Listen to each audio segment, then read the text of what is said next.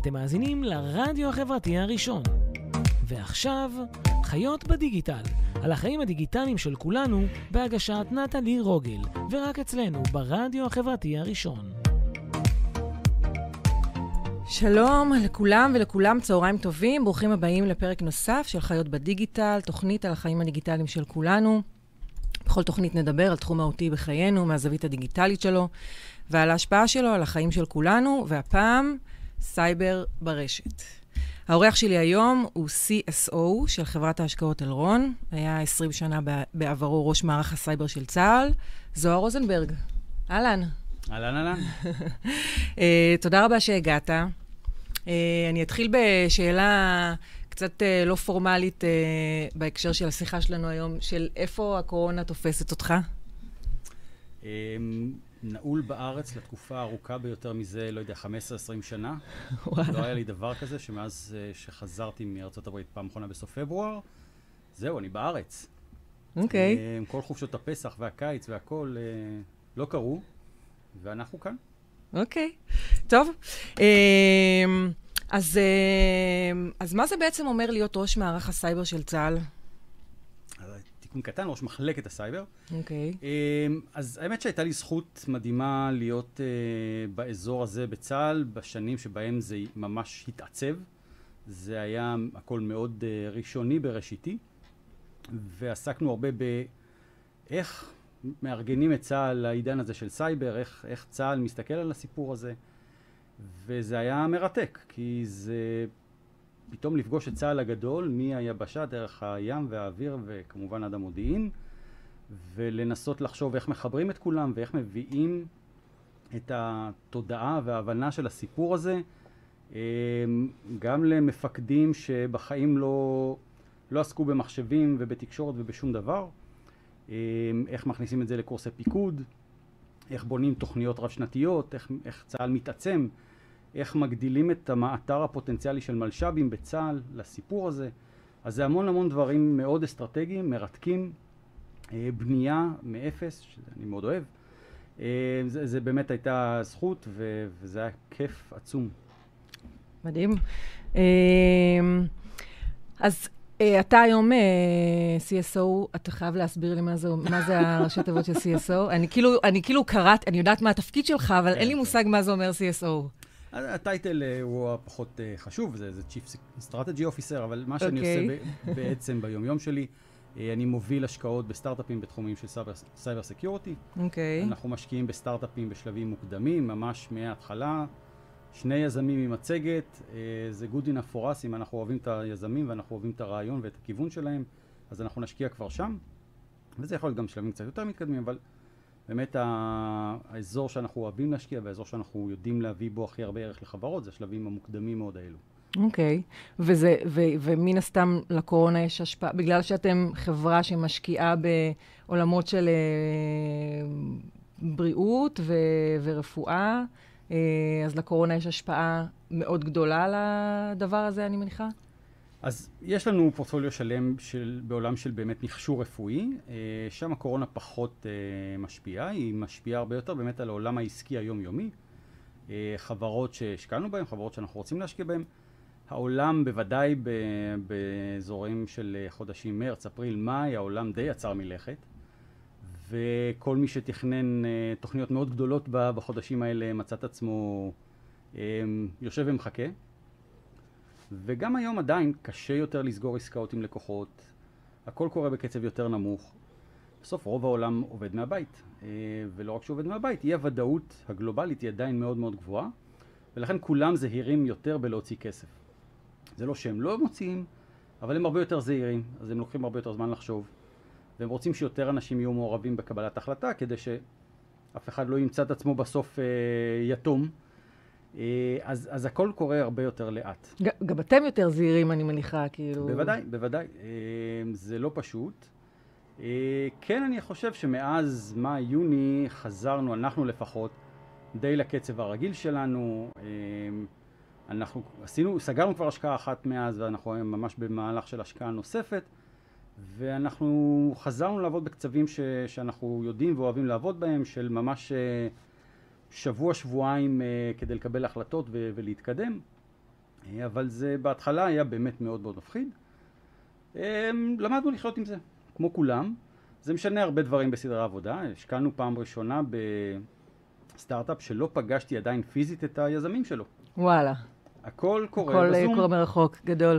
אמ, אז כן, זה זה לא קצת שונה. משפיע על קבלת ההחלטות? כאילו, צריך... אה, יש הרבה דברים שלא עוברים דרך הזום בפגישות נכון. עם, אה, עם אנשים. יש כאילו vibe ואנרגיות אחרות לגמרי ב, לחלוטין. בתקשורת. הכל הרבה יותר פורמלי, אה, הכל הרבה יותר מינורי במובן שבאמת ה-physical gestures, אה, וזה לוקח יותר זמן לקלוט בן אדם בזום מאשר בפגישה, פנים אל פנים בעשר דקות אני קולט בן אדם. בזום זה ייקח לי את השעתיים שלוש. אוקיי.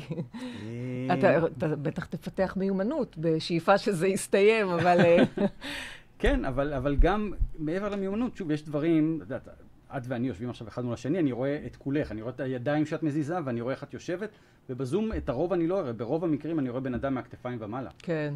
אה, אז, אז זה אחרת, זאת אומרת, גם אם נפתח הרבה מיומנות, זה לא אותו דבר. אה, יש משהו שהוא הוא מנ- הוא מנותק יותר בפגישה הזאת, אבל שוב, לומדים אה, לעשות את זה, לומדים לחיות עם זה, ולא נותנים לזה לעצור אותנו. מעולה. אז, אה, אז, אז אני, כאילו, מעניין אותי מאוד אה, לדעת איפה הסייבר אה, פוגש אותנו, האנשים הפשוטים, ואני בטוחה שיש גם הרבה דברים שאנחנו לא יודעים או לא מודעים אליהם, בטח עכשיו שכולם עברו למתכונת של עבודה מהבית. אמ, וכאילו נראה לי שסייבר זה כזה או משהו שקורה בחברות וארגונים מאוד מאוד גדולים, שיש הרבה, הרבה מידע, הרבה דברים ש... אה, זה, ו- ו- ולאנשים הפשוטים זה כאילו, זה לא... זה, ו- וזה, וזה קורה לכולנו כל הזמן, מסתבר. כן, אז האמת שבחיים המודרניים שלנו הסייבר נמצא בכל מקום וכל פינה. כל דבר שהוא אה, קשור, ל, אה, על ידי חשמל או סוללות ומחובר לאיזושהי רשת, אפשר לקרוא לזה סייבר.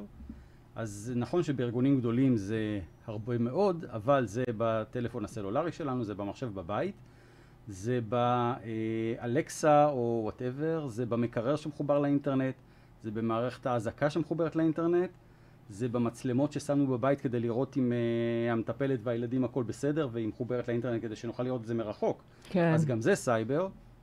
זה כבר בהרבה מאוד מכוניות uh, מהשנים האחרונות, גם אם המכונית היא לגמרי לא uh, אוטונומית מה שנקרא, אבל הן כולן מחוברות. Uh, רוב המכוניות בשנים האחרונות כבר מחוברות, שולחות נתונים כל הזמן ליצרנים. Uh, אז, אז זה ממש בכל מקום, וזה כשאנחנו uh, מזמינים כרטיס נסיעה לרכבת עם האפליקציה בנייד וכולי וכולי. כל מה. שאנחנו הכל, מזמינים, הכל, בכל הכל, אפליקציה הכל. בעצם. נכון. Wolt ותן ביס, מה שבאתי להגיד Wolt, אלוהים. אכן, ראיתי בד... מהחניון לפה, ראיתי איזה 20 שליחי Wolt. אז, כן, אז יש הסייבר. מקיף אותנו מכל כיוון, אי אפשר להתחמק מזה. אה, מי שרוצה צריך ללכת לגור באיזה מערה במדבר ולא לבוא בקשר עם שום דבר, זה הדרך היחידה להתחמק מי שרוצה, מסייבר. לי, כן, מי שרוצה להתחמק מסייבר. אוקיי. אז, ו, ומה אפשר לעשות בעצם? כאילו, יש משהו שאנחנו יכולים לעשות, או שזה... אז כמו הרבה דברים שקשורים בביטחון אישי, זה מתחיל ממודעות, מלהבין שזה שם, ושיש סיכונים. זה אה, ממשיך בלעשות דברים שהם יחסית בסיסיים. שוב, הבן אדם הרגיל לא יכול באמת אה, לנקוט אמצעי הגנה מתקדמים וכולי, אבל דברים בסיסיים כמו את הווי-פיי הביתי, לשים לו סיסמה חזקה, לא לספר על הסיסמה לכל השכנים, אה, לא כל אורח שבא הביתה להכניס אותו לרשת הביתית, אה, דברים כאלה למשל, אה, בטלפון לדאוג שיש או זיהוי פנים או טביעת אצבע או כאילו משהו חזק כזה, שלא כל אחד שרגע ייקח את הטלפון יוכל אה, להיכנס אליו, לא לכתוב סיסמאות במקומות אה, גלויים, זאת אומרת דברים שהם יחסית בסיסיים, הם לא מבטיחים 100% אין דבר כזה, אבל הם משפרים דרמטית, זה לא יאומן עד כמה הדברים הפשוטים האלה אה, משפרים בעשרות אחוזים את ה- את יכולת. הביטחון. אוקיי. Uh, אני קראתי על סקר שערכה לאחרונה חברת בינת, ומהסקר עולה ש-90% מהארגונים בישראל התמודדו עם אירוע פריצה. שזה, אני קראתי את זה, אני הייתי מאוד מאוד מופתעת מהדבר הזה, וכאילו, זה, אה, 90% מהארגונים בישראל היו אה, נתונים לאירועי פריצה, ו-65% קראו להם אירועי פריצה. זאת אומרת, הצליחו לפרוץ להם למערכות, ו, וזה... אני, למה, בעצם, למה בעצם יש כזאת עלייה עם השנים ב, ב, במקרים כאלה? זה, למה זה קורה בעצם? אז קודם כל, אה, בקרב אה, אנשי סייבר, האמירה היא ש-90% יודעים שזה קרה להם, אבל 100% נפרצו. אה, פשוט ה-10% הנותרים לא יודעים עדיין. ו- וזה בגדול נתמך בעובדות. קודם כל, יש עלייה עם השנים. ממש מלחיץ, מה שאתה אומר כרגע. כן, ככה זה. יש, יש עלייה עם השנים, כי כולנו מחוברים יותר, וכולנו אה, חיים יותר בעולם הדיגיטלי הזה, ולכן ההזדמנויות מבחינת התוקפים, הפורצים, הגנבים, הן uh, פשוט גדולות יותר. יותר. אז uh, למה לא? שתיים, יש הרבה יותר מודעות, ובאמת uh, עובדים על לגלות, בסך הכל, לא יודע, חמש-שבע שנים אחורה, אחוז עצום של הארגונים, לא רק בארץ, בעולם, כמעט לא היו מודעים לעניין הזה. זאת אומרת, באמת היו פורצים אותם, הם היו מגלים בין שישה חודשים לשנתיים אחרי. וואו. ו- וזה אומר שהפריצות היו שם. היה... כן, כן, כן, זה כבר uh, הגנב ברח עם הכל, זה לא משנה. אה, יושב אז, על אי במלדיבים. כן, אז זה אומר ש, שזה היה שם, פשוט לא שמו לב, לא ידעו בכלל. אז העלייה חלקה היא בעלייה של מודעות, פשוט להבין שזה קרה, וחלקה היא כי יש יותר, ולכן יש יותר הזדמנויות, וזה קורה יותר. מטורף. אמ, אז אני שמעתי אה, קצת, אה, שמעתי וקראתי כל מיני, על כל מיני מיזמים שיצא לכם להשקיע בהם, וכאילו, רובם באמת אה, מאוד אה, פורצי דרך ומאוד מעניינים. אתה יכול אה, לספר לנו על אה, אה, כמה דברים שאו נמצאים, שקורמים עור וגידים, או שכבר ככה מיזמים בשלב אה, מתקדם? בטח, בטח. אז אה, ניתן כמה דוגמאות. אחת, אה, חברה שבאמת עוזרת לארגונים להילחם בבעיה הזאת של תקיפות דרך מייל, קוראים לזה בשפה המקצועית פישינג, אה, אבל רובנו מכירים את זה, קיבלנו מייל אה, שהוא יכול להיות פרסומת, והוא יכול להיות גם יותר מוכוון אישית, כי אה, ראו שהתעניינתי בחופשה איפשהו, פתאום אני מקבל איזה מייל שקשור בהצעה לחופשה, ואומרים לי רק תלחץ על זה, או תפתח את המסמך הזה ותראה וכולי. ויש המון המון תקיפות. זה בעצם הדרך הנפוצה ביותר לתקוף אני חושבת שאין מישהו שלא קיבל מייל כזה שאומר, היי, אני זה וזה, אנחנו מכירים, אני נורא רוצה להכיר, או משהו כזה, נכון? יש קטע יש, כזה של יש, מיילים. יש המון סוגים, המון המון המון סוגים, כולל אה, מיילים כאלה של... איתרנו פריצה לחשבון שלך, תשנה את הסיסמה, הנה תלחץ פה כדי לשנות אותה, אוקיי. שזה מייל תקיפה מתקדם יותר, קלאסי, זה קלאסי, כן. קלאסי. אז באמת, רוב התקיפות בעולם עדיין מתחילות במייל. וזו בעיה בלתי נגמרת. אז, אז אחת החברות שהשקענו בה, יש לה פתרון לדבר הזה, החברה נקראת IRONSCALES, והיא עוזרת לארגונים אה, להתמודד עם הדבר הזה במגוון צורות, החל מלעזור לאנשים להיות הרבה יותר מודעים לדבר הזה. וללמד אותם איך להסתכל על אימייל ולראות דברים מוזרים. ועד באמת הרבה מאוד מנגנונים אוטומטיים ומשוכללים של אה, למידת מכונה ו-AI ו-whatever, שיודעים לזהות את זה לבד ולעצור. זו דוגמה אחת. דוגמה אחרת, בעולם של Fraud. אה, חשוב מאוד. במיוחד בקורונה, כולנו התחלנו לקנות הרבה יותר אונליין, כל דבר. אה, וכמו, שוב, כל דבר, ככל שאנחנו עושים את זה יותר, גם הגנבים נמשכים. ויש הרבה יותר fraud, זאת אומרת גניבה. אה, נניח שיש לי חשבון באמזון, או ב... לא יודע, יש... כל אחד יבחר את חברת הבגדים או המזון האהובה עליו שהוא קונה באונליין.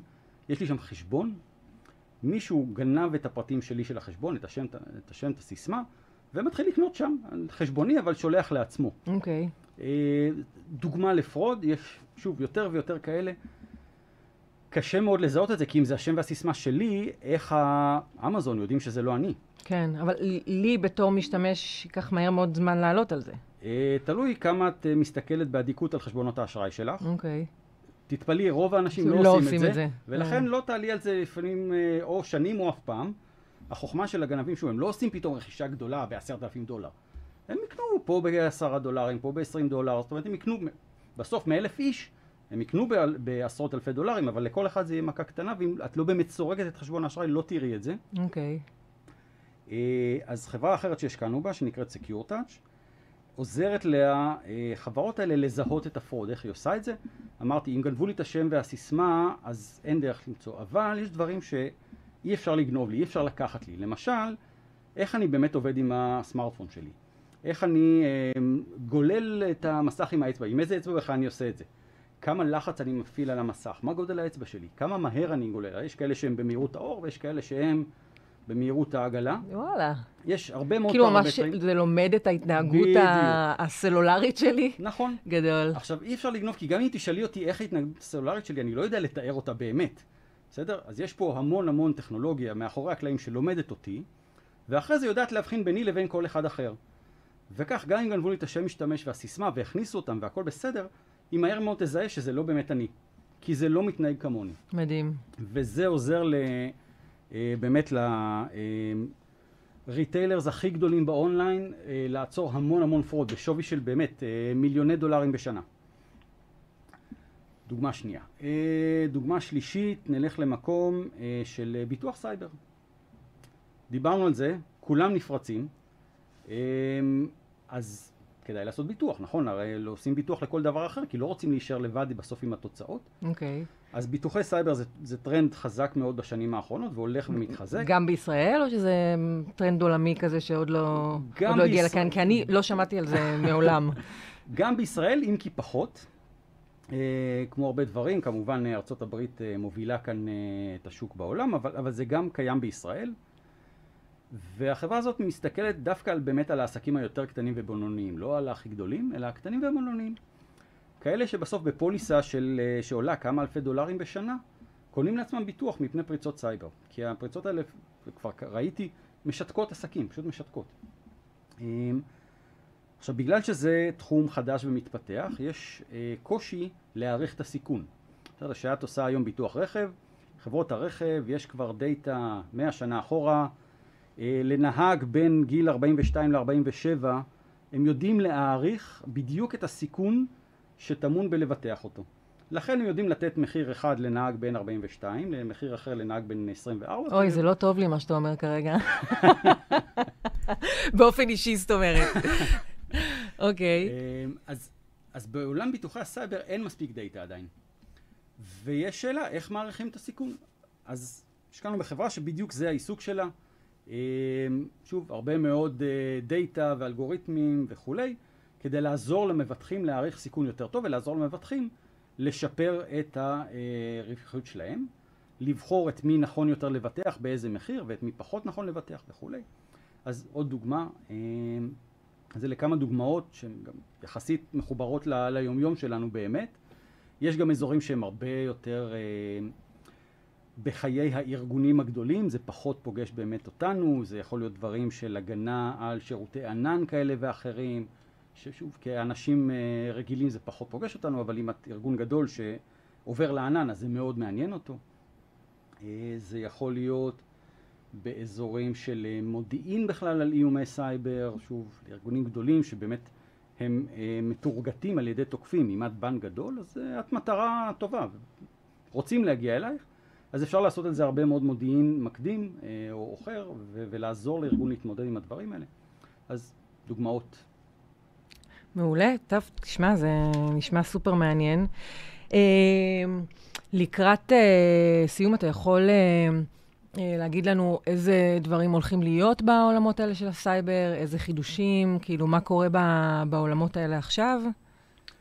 כן, אז באמת ה... כל הקורונה והעובדה שכולם עברו לעבוד מהבית אה, האיצה כמה מגמות, אחת מהן זה באמת המעבר לענן.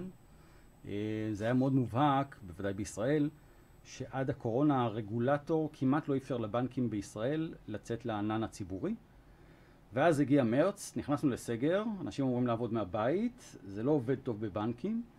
אה, אז פתאום אה, הואצה מאוד המגמה הזאת של טוב, בוא נפתח, אין ברירה, צריך לעבור לענן. קורונה האיצה הרבה דברים, אני חייבת להגיד, סתם משמיצים אותה.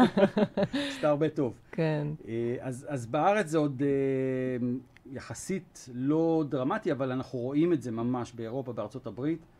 אה, בנקים גדולים, מפלצות, האיצו תוכניות שהיו אמורות לקחת שנתיים עד חמש, פתאום קורות בחודשים. כי אין ברירה. כן. אז הסיפור הזה של לעבור לשם, יש איתו המון פערים של, אה, של הגנה על מידע ואבטחה, אה, דברים שקשורים בהצפנה של מידע ובבקרת גישה. פתאום זה שם בחוץ וכל אחד יכול לגשת. איך אני מנטר ומבקר מי יכול לגשת לאן? ומה הוא עושה עם המידע הזה. אז זה תחומים מאוד מאוד חמים, שיש להם המון אה, הזדמנויות קדימה. יש הרבה מאוד עיסוק סביב רגולציה של סייבר. אה, בשנים האחרונות יש יותר ויותר רגולציות גלובליות שעוסקות בפרטיות ובאחריות של ארגונים על המידע של העובדים והלקוחות שלהם. היו מספיק פריצות שבהם בעצם פרצו לארגון גדול אבל גנבו את הפרטי האשראי שלי. אז, אז יש פה עניין של ה-liability של הארגון להגן על הפרטים שלי, יש המון רגולציה ב, בשנים האחרונות ויש שם המון מקום לפתרונות כי בעצם צריך לעשות משהו כדי שהם יוכלו לעמוד ב-liability אבל עדיין להמשיך לעשות את הביזנס כי הכי קל זה להגיד טוב אני לא אחזיק פרטים כן. של אף אחד אבל אני לא עושה כלום.